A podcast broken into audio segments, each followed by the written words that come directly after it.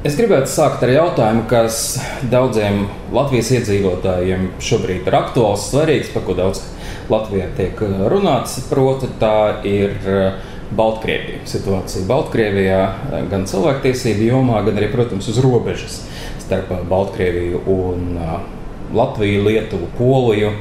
Eiropas Savienība, tāpat kā arī pieminētās valstis, sauc šo par hibrīdu uzbrukumu un saka, ka tā ir tāda migrantu izmantošana sautīgos režīmu nolūkos. Instrumentalizācija, ja vēlamies izmantot šo smalko vārdu. Tajā pašā laikā no cilvēktiesību organizācijām nāk pārmetumi, ka tomēr Tā ir diezgan necilvēcīga izturēšanās pret eh, migrantiem, pret cilvēkiem, kas ar maziem bērniem ir spiesti palikt mežā vai kuriem netiek ļauts eh, iesniegt patvērumu lūgumu tajā konkrētajā vietā, kur viņi mēģina šķērsot robežu. Kā jūs saskatāt šo situāciju un kā, teiksim, jūsuprāt, vajadzētu meklēt to līdzsvaru starp no vienas puses robežu aizsardzību un no otras puses cilvēktiesībām un cilvēcīgu izturēšanos?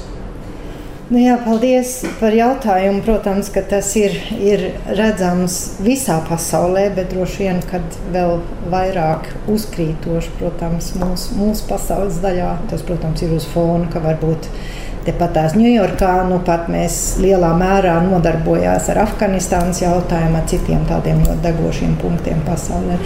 Mēs ļoti sekojām, un es domāju, situācija Baltkrievijā kopumā vispirms jau, ar, diemžēl, tagad jau ilgāk laika ir ievērot, nu, un, un mēs sekojam ļoti tuvu attīstībām uz vietas uh, Baltkrievijā, kur mēs zinām, situācija iekšēji neiet uz labo pusi, un tieši otrādi ļoti daudz ne tikai apcietināti eh, cilvēki, cilvēktiesību aizstāvji, un arī, protams, jautājums arī par vardarbību pret viņiem izturēšanos. Arī žurnālisti ir, kā jūs ļoti labi zināt, ļoti neaizsargāti un, un daudzi citi. Un šī situācija, protams, ir ļoti, ļoti satraucoša. Klāt pie tā nāk šī konkrētā situācija, kas ir attīstījusies uz robežas. Tur, tur jāsaka, ir, ka, protams, viens ir politiskā puse, kurā es no savu amatu viedokļi nevar iesaistīties. Un, bet tagad skaidrs, ka tie signāli bijuši. Bet tad, kas reāli veidojās pašlaik no cilvēktiesību viedokļa, protams, ir, kad pats pamats jau ir, kad ir katrai valstī, uz kuras teritorijas atrodas cilvēks, ir atbildīgi par to, lai uzturētu cilvēktiesības tiem konkrētiem cilvēkiem un individiem.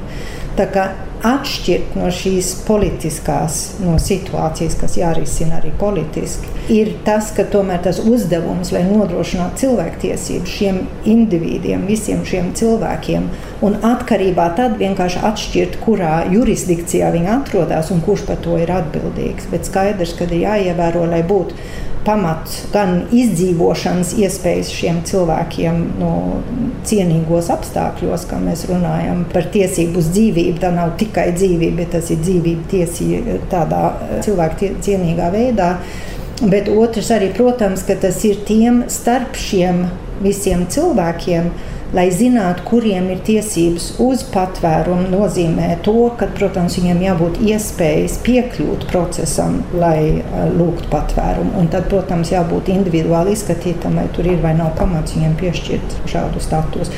Arī var būt, ka daudz no viņiem nemaz šādu statusu nevar iegūt, bet ir, protams, arī runa par visādiem citiem uh, statusiem. Ja jūs pieminējāt Afganistānu, un šie jautājumi jau savā ziņā ir savstarpēji saistīti, jo tie cilvēki, kas nokļūst Uh, uz Baltkrievijas un Baltijas valstu un Polijas robežas. Daļa no viņiem ir no Afganistānas, un viņi tur sāka nokļūt vēl pirms uh, tie notikumi, ko mēs redzējām pēdējās nedēļās, uh, ir aktualizējušies vai ir notikuši. Un tas, kas man piesaistīja uzmanību, ir, ka Eiropas reakcija šoreiz ir savādāka. Eiropas reakcija vismaz atsevišķas valstis saka, palieciet turpat, kur jūs esat. Mēs dosim naudu ANO aģentūrām, mēs eh, jūs eh, mēģināsim atbalstīt, tā, bet nekādā gadījumā nenāciet pie mums šeit, tā kā jūs nācāt 2015. gadā. Par ko jums liek domāt šāds signāls, politiskais signāls, kas nāk vismaz no atsevišķām valstīm, no Dānijas, no Čehijas, vēl no dažiem? Nu, jā, es domāju, ka tur, tur tā vēsture jau arī un to, kas notika jau 15. gadā un, un tajos gados, pēc tam jau vēl ir daudz ko runāt un domāt, un kuras bija tās valsts, kas centās uzturēt arī ne tikai cilvēku tiesības, bet cilvēcīgu attieksmi pret līdzcilvēkiem, kas tiešām mūk projām no ļoti uh, asām un sarežģītām vardarbīgām situācijām, un tur atkal mēs esam daudz runājuši par to Latvijā, kad mēs paši mēs arī esam dzimu Zviedrijā, tāpēc ka man vecāki aizbēga no Latvijas. Es domāju, ka mēs varējām sagaidīt, ka varbūt mums būtu viena atvērtāka un izprotošāka attieksme pret cilvēkiem, kas reāli mūk no tādām situācijām, kas, diemžēl, nevienmēr izrādās, ka tāds pamats pašu vēsturē to atvērtību ir radījis. Bet es domāju, ka jebkurā gadījumā mums jāskatās tā situācija, kas ir šodien un tagad. Un es domāju, ka tur ir vairākas atšķirības. Pašlaik jau viņi tikai attīstās tā situācija. Jo drusku, ko mēs arī dzirdam tagad, ir Afganistānas, protams, liela uzmanība un pareizi noteikti pievērst sieviešu un meiteņu tiesībām. Ja, jo to mēs zinām ar talībiem, ka tas ir tas, kas jau agrāk bija noticis ar, ar talībiem īpaši. Bet jāsaka, ir, ka ir ļoti daudz citas cilvēku tiesības, kur, protams, ir ļoti liela draudi. Nu, tā kā no vienas puses puses tas mobilizē vienu atbalstu, kur pat ir valsts, kas saka, jā, nu, mēs esam gatavi ņemt pretī nu, tik un tik cilvēkus, jau tik un tik, nu, kas, kuriem tiešām reāli ir apdraudēta varbūt dzīvība, iespējas dzīvot. Bet no otras puses, atkal šī reakcija, ka, jā, nu, labi, lai kaut kur sakārto, bet tikai kaut kur citur, tikai ne pie mums, lai mums nav tie politiskie sāsinājumi iekšējā valstī. Un, bet, jebkurā gadījumā, tā problēma jau ir tad, lai arī uzturētu to principu, Un kā to var panākt un kā var mēģināt ietekmēt situāciju, ieskaitot ar pašiem talībiem, pašlaik, ja nu viņi paliks pie varas, kā tas izskatās, lai maksimāli tomēr bīdīt virzienā, lai ievērotu cilvēktiesības. Tā izskaitā vienlīdzīgas tiesības eh, sievietēm un, un meitenēm. Un tas ir globāls jautājums. Tur ir, protams, atsevišķi rietumu valsts to pašu par sevi nekad nevarēs panākt, bet ja var globālā līmenī panākt, kad ir kaut kāda tāda kopēja balss, un lai viss anonāktu kopā, lai uz to, lai būtu, piemēram, uzstādījums, ka jā, mēs ar jums talībiem runāsim, mēs neesam jūs atzinuši, un varbūt ilgi neatzīsim, bet ja vispār iet tajā virzienā, lai jums vispār kaut kāda leģitimitāte kaut kāda būtu, tad jebkurā gadījumā pastāv tie pamatprincipi, kur cilvēku tiesības ir pašā centrā. Un es domāju, ka tas ir ļoti svarīgi. Vai ANO aģentūrām kopumā ANO ir pietiekami resursi, lai teiksim, palīdzētu Afganistānai vai teiksim, mazinātu potenciālās humanitārās krīzes situāciju tur. Vai tomēr mēs diezgan regulāri runājam, ka visi saka, ka dos naudu, bet uh, apsolīto summu reti, kad pilnībā iedot. Nē, nu tieši tā. Nu, pirmkārt, viens ir ANO, ko ANO sekretariāts un ANO kā tāds var darīt ar saviem resursiem. Un otrs ir, protams, dalība valsts. Tad, kad es runāju par to diskusiju un principiem, tas, protams, ir dalība valsts starpā. Bet bez dalību valstīm to, protams, nevar izdarīt. Un skaidrs, ka budžets nepietiek. Nu, pat, protams, bija arī ģenerāls sekretārs Ženēvā, ka bija pirms cik desmit dienām vai kā, kur lūdza dalību valstīm arī ziedot, ja pasludināt, kad piedalīsies nu, ziedojot eh, resursus, lai tiešām varētu nu, vismaz šos humanitāros jautājumus pašlaik uzreiz nu, sākt ar viņiem strādāt. Un jūs pareizi sakat, ka viens, protams, tas bija ļoti liels un labs panākums. Es domāju, ka visi bija apmierināti, ka tur kaut kāds miljards, man šķiet, eh, ASV dolāri jau tika uzreiz pasludināti tajās dažās stundās. Bet otrs ir, kad, kad un cik daudz no tā uzreiz un cik ātri redzēs, lai tā nauda tiešām ienāk, lai varētu viņus reāli izmantot, nu, lai, lai tās aģentūras un lai viss varētu eh, veiksmīgi to bīdīt. Turpinot vēl nedaudz par Afganistānu, vai rietumi maz var runāt šobrīd par to, ka mēs jūs pasargāsim, mēs jūs atbalstīsim un kāds ticēs šim vārdam, jo mēs redzam, ka daudziem cilvēkiem rietumvalstis, ne tikai Amerika, bet arī pārējie, kas tur ir piedalījušies, beigu beigās nav varējuši palīdzēt.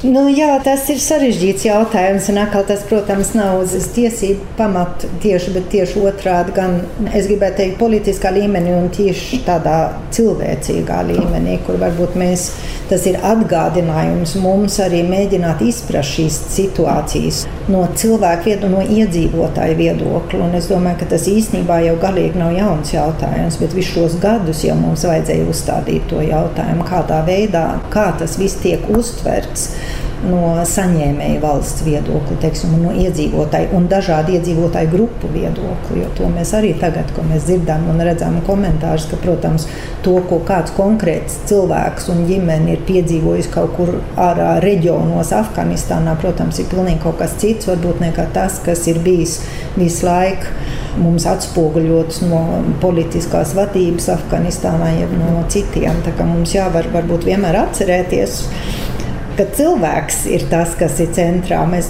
tik bieži aizmirstam, un man liela pateicība par to, ka mēs tagad radio varam runāt. Jo es domāju, ka tas, piemēram, ir viens no tiem līdzekļiem, kas vēl pastāv uz to, ka mēs katrs kā iesaistamies kā cilvēks un individu dzīvē, jeb ģimenes dzīvē, vai īstā kaut kādā sabiedrības dažādās sastāvdaļās, un atceramies, ka mēs īstenībā runājam par cilvēkiem un kā viņi dzīvo savu dzīvi. Un tas, jā, es domāju, ka tas noteikti tas ir atstājis gan politiski, gan, gan tādā tādā uzticības līmenī sekas, bet jāsaka, ir, ka tas, protams, ir varbūt vislielākais jautājums pašlaik globāli vispār, ko mēs redzam aptaujās un visur, ka cilvēku uzticība varas iestādēm visā pasaulē ir ļoti, ļoti zema. Un tur ieskaitot rietumvalstīs, protams, un ieskaitot uh, Eiropā, ASV un visur citur, kas arī rada visāds cits saspīlējums visās mūsu sabiedrībās. Bet jā, ko mēs darām? Tālāk prom no mājām un kādā veidā uzvedās mūsu paši cilvēki. Es gribētu varbūt piebilst arī no cilvēku tiesību viedokļa atkal. Mēs, piemēram, strādājam no mūsu biroja.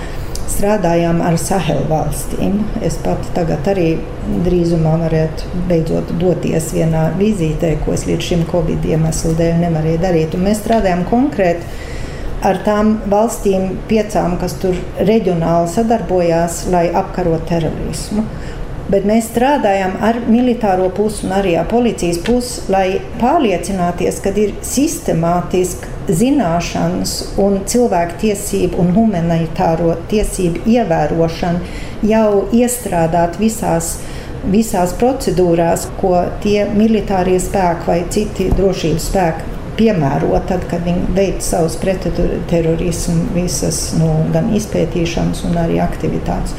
Un es domāju, ka tas ir ļoti svarīgi. Mēs tajā kontekstā arī runājam par to, lai būtu šīs attiecības ar vietējiem iedzīvotājiem. Tā uzticība, lai būtu, ka tā rīcība, ka tie paši spēki, kas tur ir nākuši, lai it kā palīdzētu, lai viņi paši arī parāda, ka viņi paši ievēro cilvēktiesības, ka viņi paši neveic pārkāpums. Un, ja pārkāpumi būs, jo, protams, mēs zinām, ka viņi var būt un ka viņi būs, lai tad viņi tiešām reāli tiek izmeklēti un lai arī tiek sodīti tie cilvēki, kas viņus ir veikuši. Tā kā es domāju, ka visās šajās attiecībās atkal tas īstenībā nāk uz to pašu pamatu, ka jābūt cieņai pret cilvēku un jāsaprot, ka mēs esam sabiedrībā, kur tas ir tas, ka mēs nopelnām arī to, ka pret mums ir kaut kāda uzticība tikai ar to, ka mēs izrādām to cieņu un ka mēs paši sekojam tam, ko mēs runājam un sakam, ka tie nav tikai vārdi vai vārdi uz papīra.